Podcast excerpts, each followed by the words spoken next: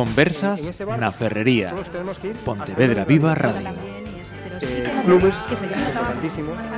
Saludos eh, eh nesta eh, semana na que o domingo 25 de novembro é o Día Internacional da Eliminación da Violencia de Xénero traemos ata as conversas na ferrería a alumnos, pero va a ser alumnas de secundaria.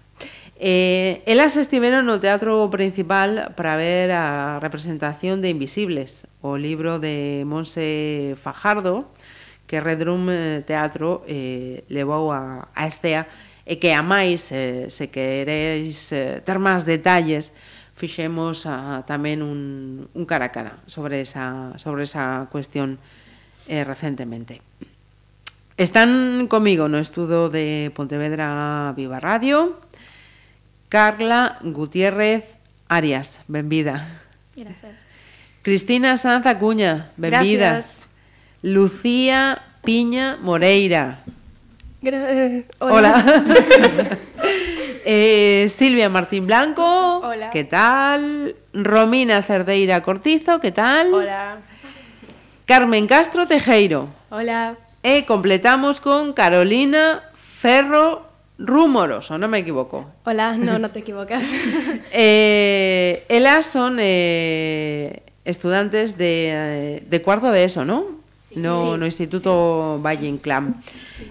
Eh, primeiro de todo, mmm, una cosa que, que me chamou a mí a, a atención, pero que elas eh, explicaron, eh, son todo chicas. Eu lles decía, e onde están os, os chicos?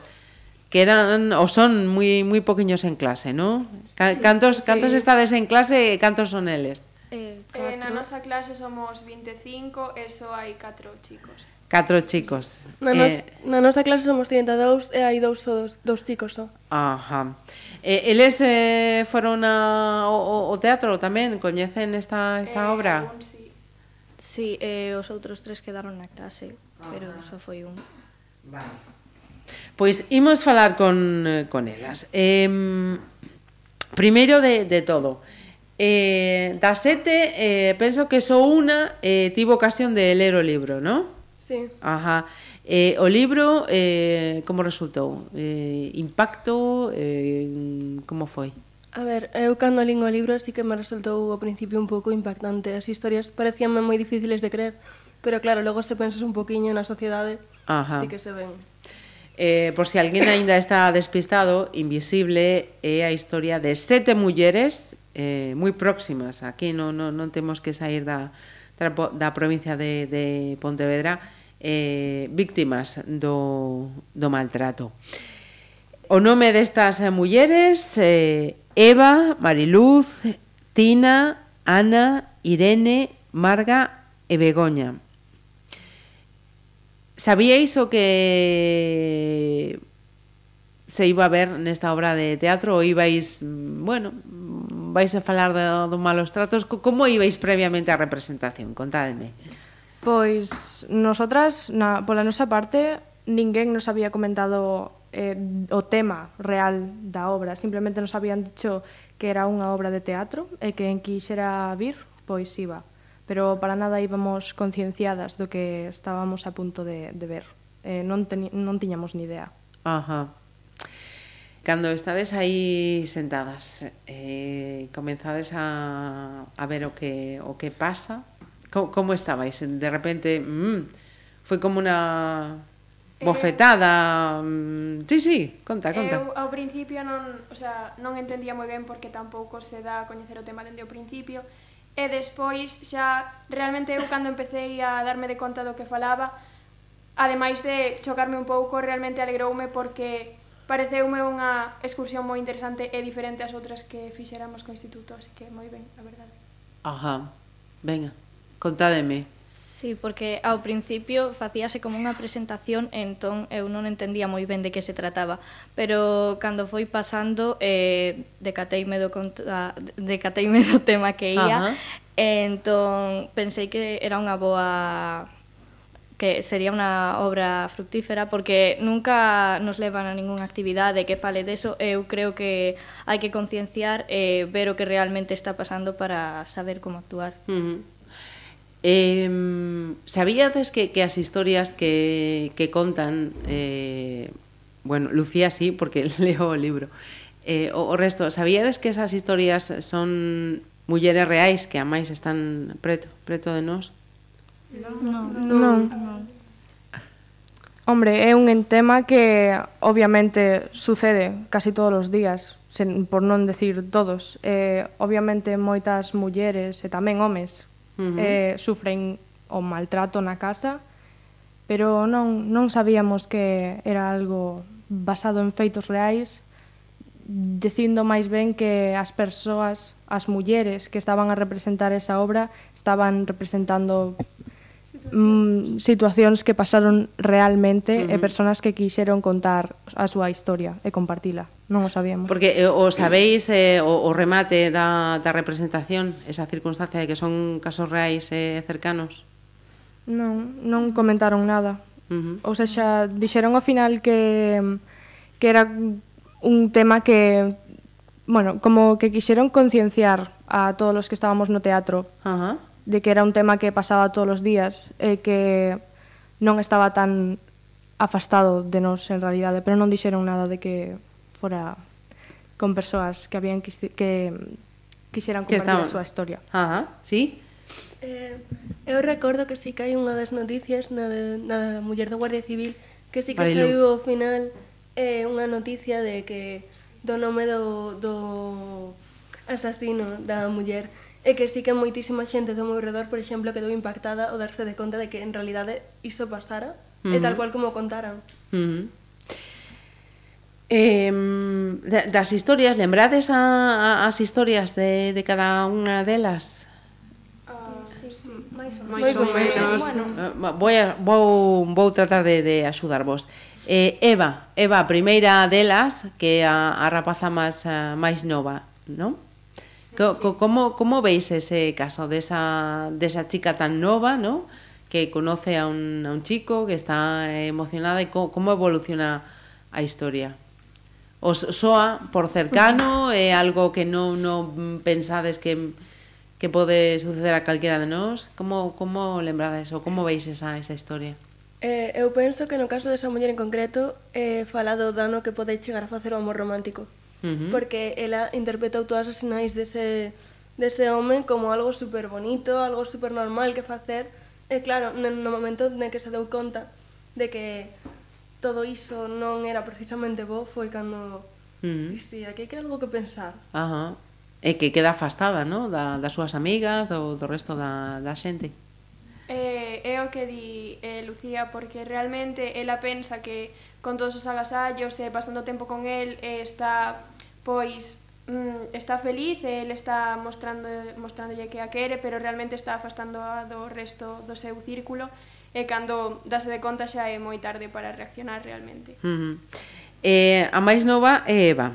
E logo eh, conta tamén o caso de, de Mariluz, a, pa, a parella do, do Garda Civil. Uh Eh, o caso de, de Tina, que é a, a, a de maior idade das, das mulleres. O caso de, Lau, de Laura, que é a abogada, ¿no? que denuncia e eh, está eh, facendo esas declaracións e lembrades en, eh, na, diante, se supón, diante do, do, das forzas de seguridade.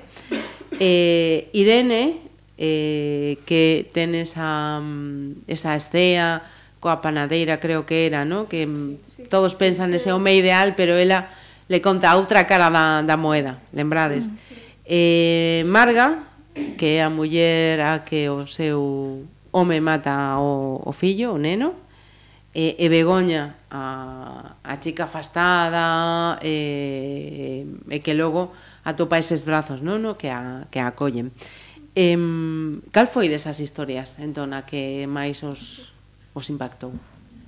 Eh, a min personalmente a de Marga, porque eu esa historia estaba, estaba tamén lendo no libro eh, eh, deixeina pola metade e logo seguín porque pareceume que non atopaba ser humano capaz de facer iso, uh -huh. de quitarlle a unha nai o seu fillo en riba eh, moi, eu creo que moi acertado antes de, de esa representación en concreto representaron o conto de Pedro o Lobo uh -huh, sí. facendo como ver a historia desa muller como ese conto Que uh -huh. claro, o marido estaba lle metendo todo o rato, eh, mintindo todo o rato, e claro, ela ao, ao final non o creu, eh, e verse como de verdade pasou. Uh -huh. Eh, parece moi dura, eh, eh, admiro a esa muller porque sei que sigue aquí, e admiro moitísimo a esa muller por ter a forza de vontade uh -huh. para seguir vivindo despois do que lle pasou.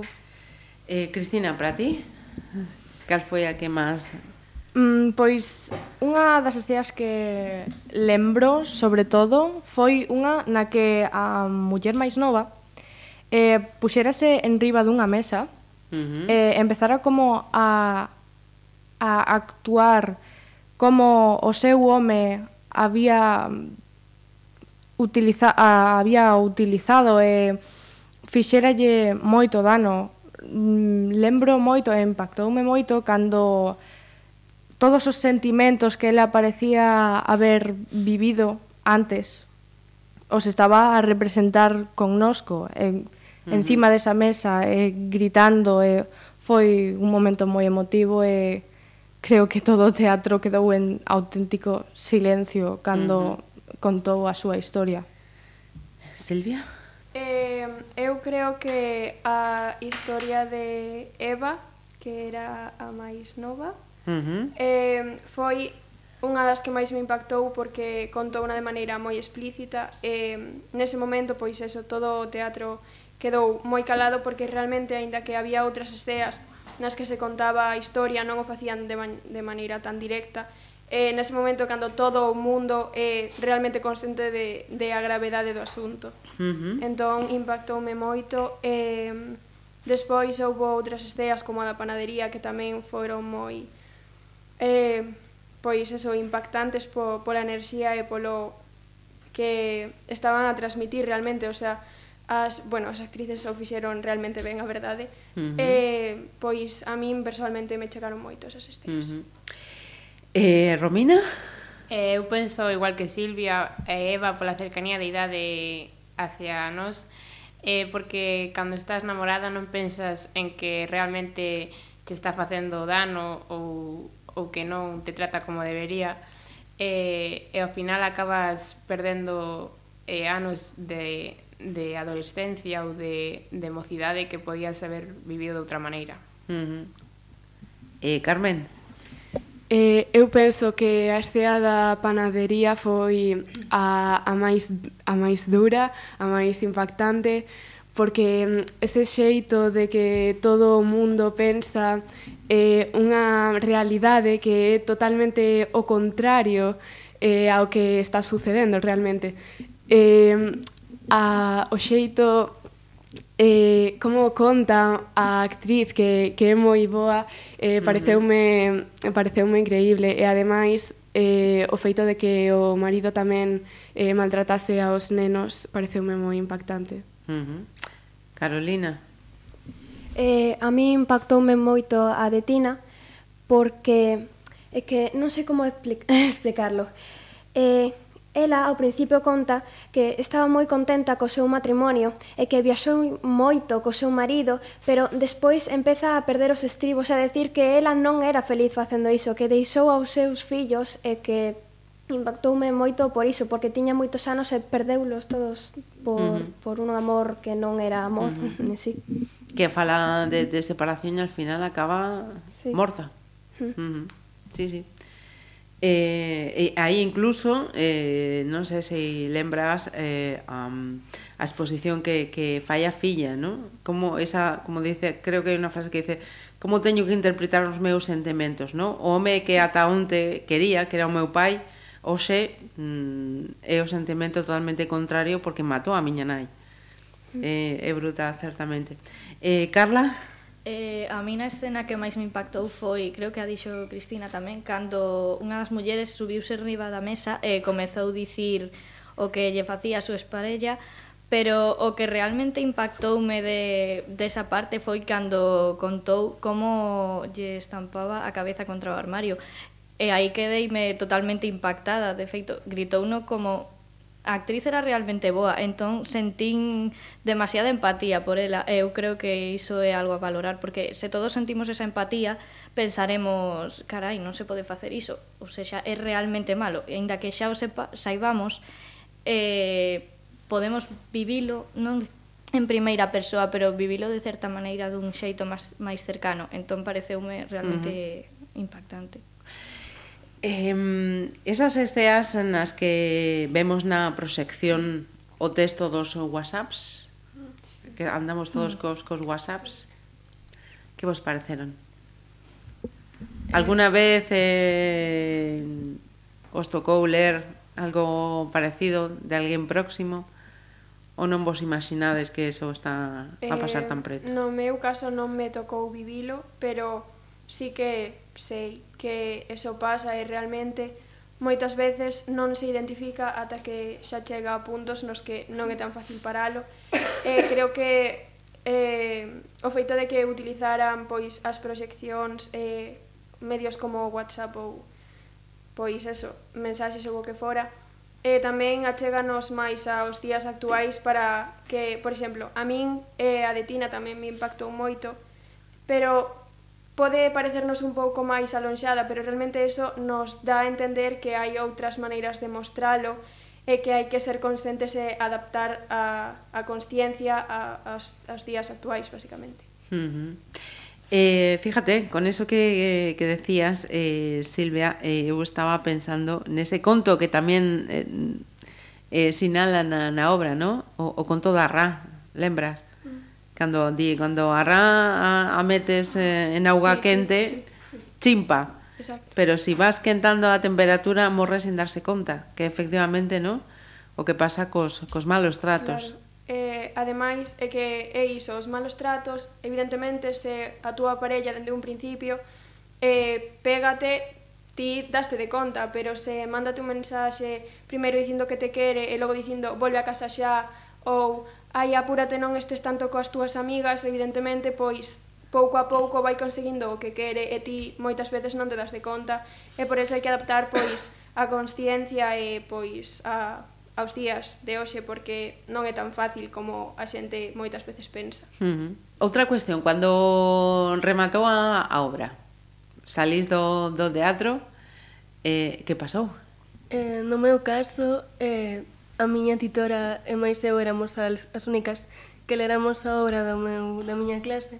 Entón estivemos un rato xa, tanto antes como despois da obra, falando dela e, e pareceu moi interesante porque intercambiamos as, as eh, nosas impresións e todos acadamos que a verdade que fora unha representación unha pasada uh -huh. e que as actrices eran boísimas e que eu, por exemplo, a que fixo de Tina non sei por que, colliñe unha especie de cariño especial, pareceume uh -huh. todo o rato... Mela, Mela pare... Casal. Uh -huh. Parecíame, non sei, que fixo que me doese incluso máis a historia de Tina contada uh -huh. por ela. Ajá. E, eh, eh, o resto? rematou a obra, eh, voltasteis ao instituto, a seguinte clase non pasou nada, eh, o todo o día estiverais eh, dándolle voltas, eh, que, que pasou? Como, como foi o resto dese día despois de ver esta obra? Eh, bueno. Cando acabou a obra creo que todos, o sea, os que estivemos eh, no teatro estivemos como dous minutos aplaudindo porque realmente eh, nos gustara moito eh, principalmente creo que todos pensamos que debería de, a xente debería pensar mm, en que mm, non o maltrato non é só físico, senón tamén psicolóxico, e que comeza por, por poucos pasos que ao final acaban acaban por, por matarte eh, en sí. E que, bueno, eu especialmente mm, quedei mm. eh, moi impactada porque eh, non pensamos en que eso poida suceder ata que o vemos eh, nos nosos ollos. Uh -huh. Creo que Cristina quería decir algo.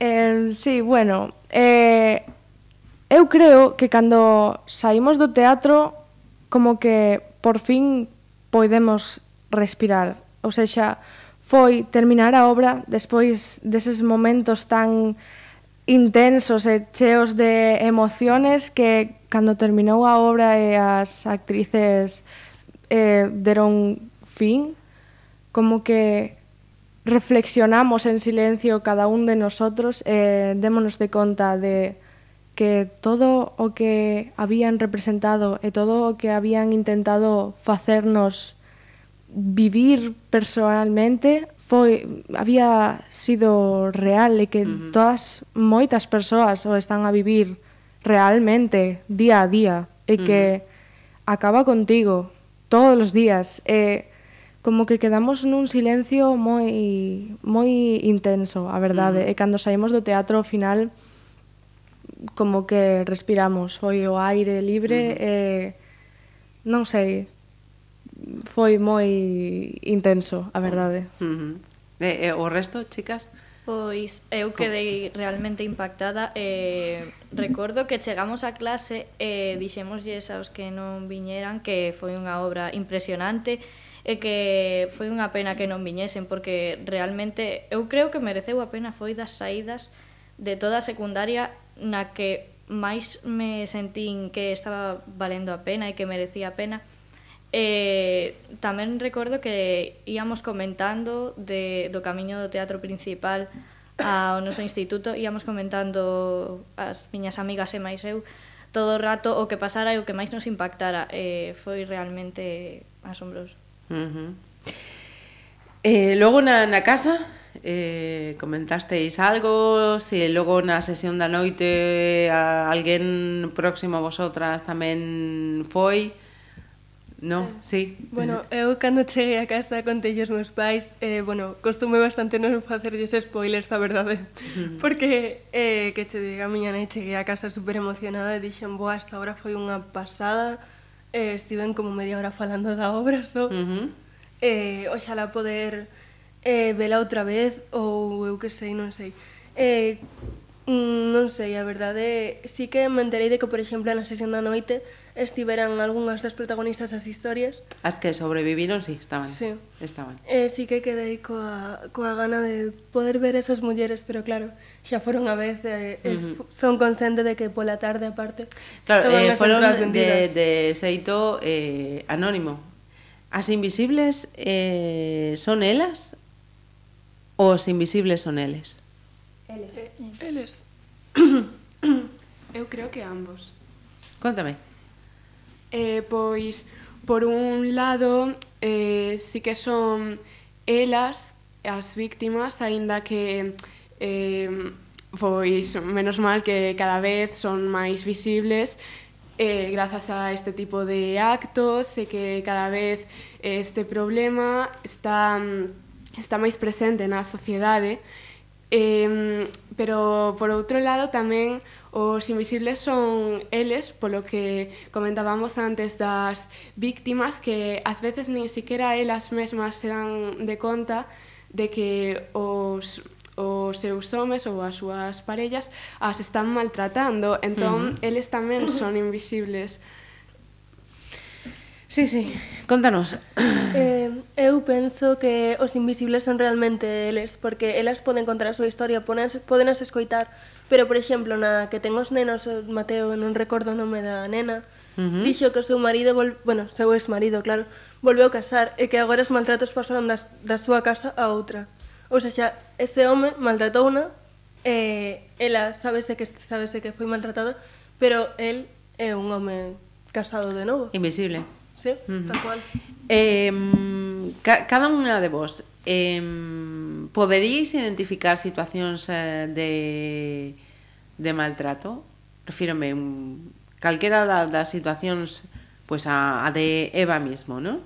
Si mm, hai un, un mozo que comeza a ter esas actitudes, poderíais eh, identificalas? Eh, eu creo que no meu caso sí, porque ademais de pois ter conciencia propia, evidentemente, eh, tiven a sorte de, ademais da casa, ter unha profesora en primaria, nos meus últimos anos de primaria, Carmen tamén, Carvida tamén, que concienciounos moito neste tema e falounos de todo o maltrato sutil, o maltrato psicolóxico. E claro, tamén cando eres unha nena e un neno eso, pois impactate máis e márcate máis, polo tanto eu creo que sí que sei distinguir dende o principio como empeza e podría darme de conta uh -huh. tanto no meu caso como no, no caso de outras persoas. Eh, podemos saber, por favor, o nome desa profesora que me parece moi importante? Eh, Loli? Perfecto. Eh, en que centro? En que centro? Eh, Álvarez Limeses, pero agora está uh -huh. subilada. Ajá. Aranguena sí. Freire, creo. Mm. Sí, sí. Ajá pois me parece justiza tamén se ese traballo quería que quedara eh, constanciado o seu nome. Eh, identificáis, por tanto, esas eh, actitudes. Contame, Lucía, estás activísima. Perdón. É que sí que, que sí que quedei marcadísima con esta obra, de feito foi un, case a primeira que se ofreceu así voluntaria para vir. Ajá. Eh, eu, por exemplo, eh, sí que creo que é posible que fose consciente do maltrato, pero sí que sei que teño unha, unha idea do amor metida na cabeza que hai algunhas cousas que sí que se me por moitísima formación que tivera, porque sí que tanto os meus pais como os profesores así, sí que me deron, eu creo que sí que podería eh, caer en algunha desas situacións non moi graves porque temos o amor romántico moi eh, metido na cabeza. E claro, ti dis, boa, quéreme moitísimo, non sei que, E igual, igual é demasiado tarde para, para darte de conta tamén. Uh -huh. eh, de feito, hai alguna conversa, algún texto na representación que, que fala do, dos príncipes azuis, non? Eh, identificáis ese maltrato eh, dispostas eh, o con un convencemento de que eh, esto non se pode permitir isto é unha mesma que ten que decir non, por aquí non.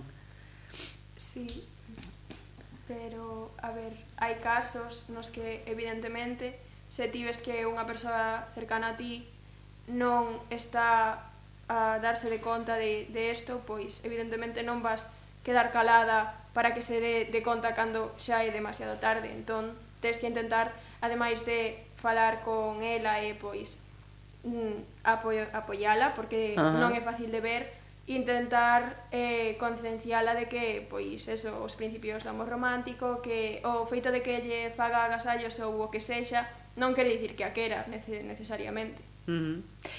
Eh, falais entre eh, vosotras e eh, cos eh, chicos tamén destas eh, cuestiones?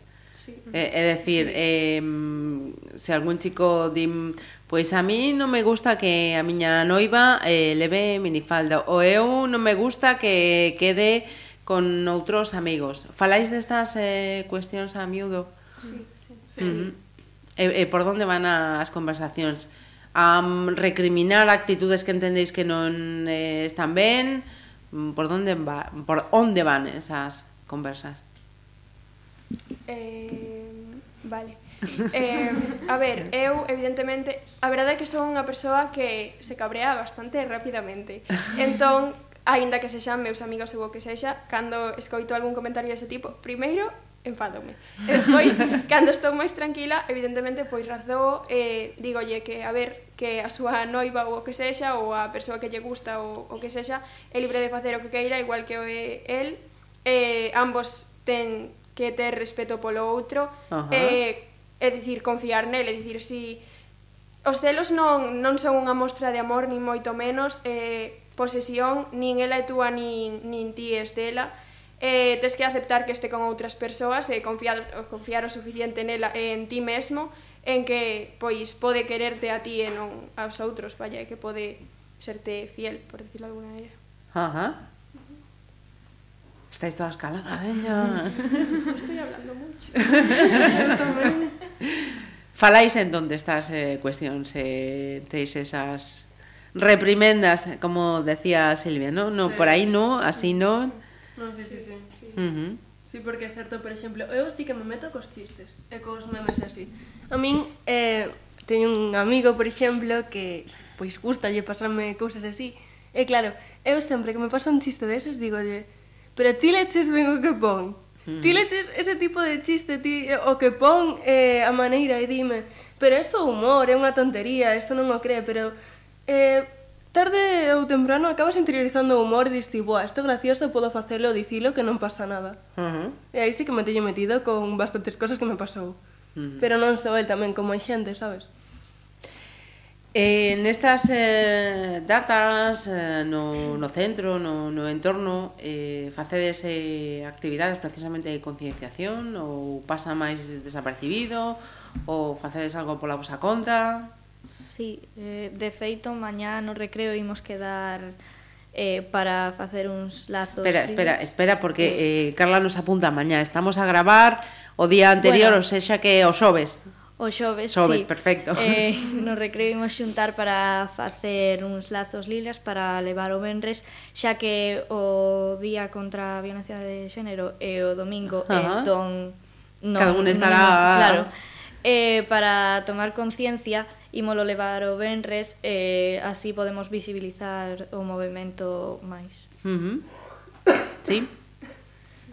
Alguna máis? Eh, sí, ademais, como recentemente vimos esta obra, bueno, non sei, non sei se foi casualidade, pero foi perfecta para mm, o momento porque está, estaba moi próxima esta data eh, do Día contra a Violencia de Xénero. Uh -huh. Entón, pois si, ademais disto, pois tamén facemos así algún acto no centro. Ajá.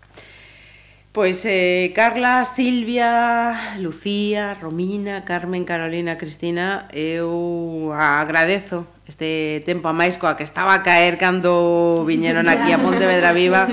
É, eh, é tremendo, eu pensaba van ter que vir eh, en, en canoa ou en Zodiac a lo menos coa que está coa que está caendo. Moitísimas gracias. Eh, adiante con estas leccións eh? que non quede no olvido.